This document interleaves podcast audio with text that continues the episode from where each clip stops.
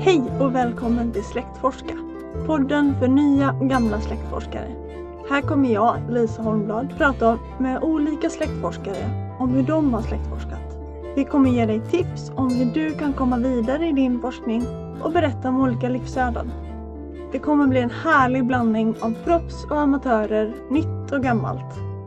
Informationen om det vi pratar om här på podden och mycket mer finns att läsa på bloggen hurskajagslaktforska.com.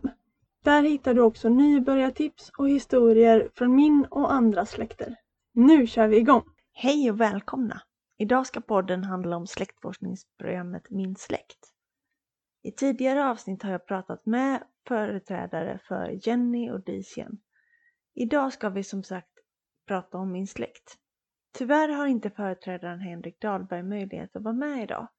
Men han svarar på frågorna skriftligen och jag ska försöka redogöra för dem på bästa sätt.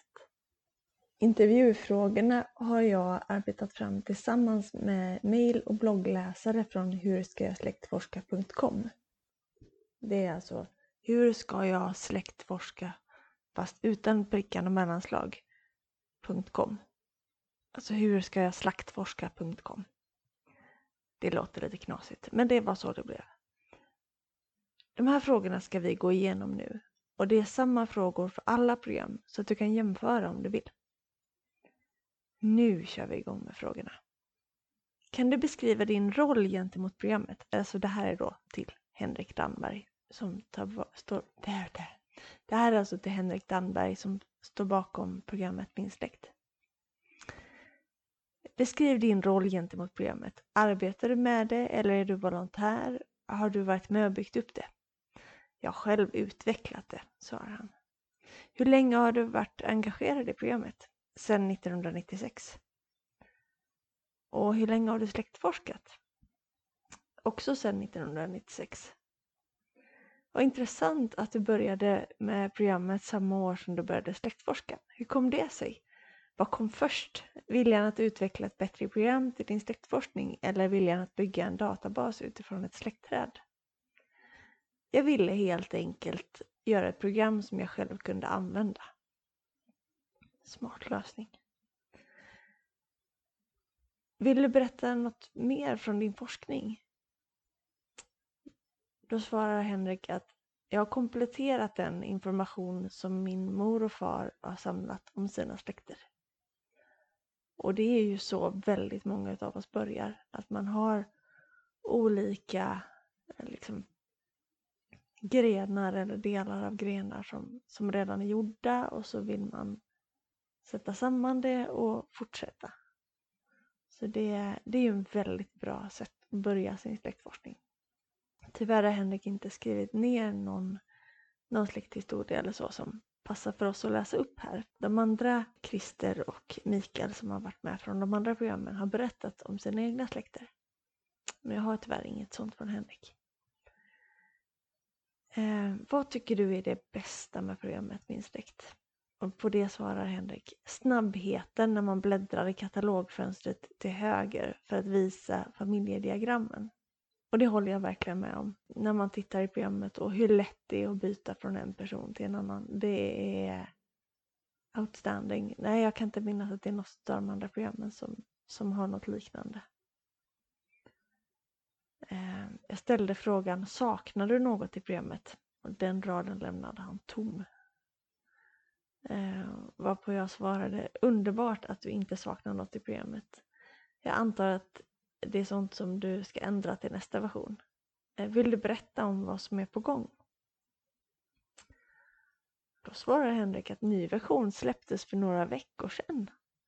Och nyheterna finns beskrivna på min hemsida. Och vi ska titta lite mer på dem sen. Nej, vi tar det nu. Eh, jag kollade upp det här, eh, vilka nyheter det är. Eh, och det är bland annat att almanackan är uppdaterad för 2022. En bra sak att göra. Eh, det är lite nytt om händelsen på, händelser på rapport. Det är dödsorsak som kan visas i diagram. Det är möjlighet att kopiera länkar mellan olika personer. Smart. Och i pop-up-fönstret för händelser så, kan, så visas källans namn nu före noteringar om händelsen istället för efter. Väldigt bra. Och en massa andra, vad ska man säga, vad jag förstår mindre korrigeringar. Men det är bra att han håller igång det. Jo, tillbaka till frågorna. Har du använt andra släktforskningsprogram? Ja, jag har provat andra. Tycker du att programmet passar för någon som är helt ny på släktforskning? Det brukar vara det allmänna omdömet. Och det håller jag också helt med om. Min släkt är ett enkelt program som jag tror att de flesta nybörjare klarar av att gå rätt in i. Tycker du att det passar någon som har släktforskat i många år och vill fördjupa sin forskning? Det beror helt på vad man har för krav och vad som menas med att fördjupa sin forskning. Vilket stöd har ni för användarna som inte är så släktforskningsvana eller teknikvana? Alla användare kan få support via e-post och eventuellt telefon. Och det har jag också sett i Facebookgrupper att folk säger att eh, Henrik ger väldigt bra support, att han svarar snabbt och så. Och det ska han verkligen ha cred för, att han tar i det själv och gör det på ett bra sätt. Stöder programmet samkönade äktenskap? Nej. Och på frågan då hur hanteras barn i samkönade äktenskap så går det ju inte att svara på den frågan eftersom man inte kan ha samkönade äktenskap i programmet Min släkt. Jag ställde frågan är samkönade äktenskap något som du funderar på att ta med i framtida versioner? Och på den frågan så svarade han lite hemlighetsfullt. Jag funderar på mycket inför kommande versioner. Vilka operativsystem funkar min släkt på? Eh, funkar det för Mac, PC och Linux? Funkar för Windows. Många kör det dock på Mac och Linux via en Windows-emulator. Det är många Mac och Linux-användare som är vana vid att använda emulatorer också. Eh, finns det någon specifik användargrupp för programmet där man hjälps åt? Det finns en gästbok på min hemsida, svarar Henrik, alltså danbergdata.se. Som för de flesta versioner så finns det en gratis version att ladda ner och för att kolla den här nya versionen så testade jag den alldeles nyss och kollade runt på den, kollade på bilder som jag haft lite problem med innan med min släkt. Att uh, kunna hämta från olika mappar och sånt där när man lägger in dem. Och det funkade alldeles utmärkt. Men precis som med Dicien som jag och Christer pratade om förra gången så saknar jag möjligheten att zooma in i de bilderna som jag har laddat in. Alltså om man har en bild på flera personer att kunna zooma in direkt i programmet. Den finns inte heller hos min släkt. Så all bildredigering måste vara klar innan man börjar använda dessa program. Till skillnad från gratisprogrammet Gramp som jag brukar använda. Men en sak som jag gillar med min släkt det är att alla rapporter ligger på samma ställe. Där skriver man ut antavlor och exporterar till Gedcom på ett ställe. Och det tog ett tag innan jag hittade det ska jag väl säga. Men eh, det, det känns bra smart att ha allting på samma ställe. Med statistik och olika antavlor och allting. Um, för att hitta mer om min släkt så gick jag in i gruppen släktforskning på Facebook. Och där hittade jag bland annat min egen fråga om bilder som jag skrev om när jag skrev blogginlägget för ett och ett halvt år sedan. Men också en av alla hundratals trådar om vilket program är bäst. Och en sak som slår mig är att inte nog med att det är många som svarar min släkt, men det är också många som skriver att de har använt det i 20 år. Och det säger en hel del om programmet och dess utvecklare, att de har, liksom, har trogna kunder som stannar kvar. Eh, och en kille skriver att han tycker att min släkt är bäst. För att jag tycker att släktträden blir snyggare och mindre röriga än i vissa andra tjänster. Och det är tio pers som gillar det. Uh, och jag håller helt med dig, eller med honom om det. För att både antavlor och stamtavlor med ättlingar blir fina och tydliga. Eh, jag gillar också hur bilderna följer med bland ättlingar. Eh, jag hade önskat en stamtavla med ättlingar liksom med samma uppgifter som i antavlan, alltså en grafisk variant utan text och bilder.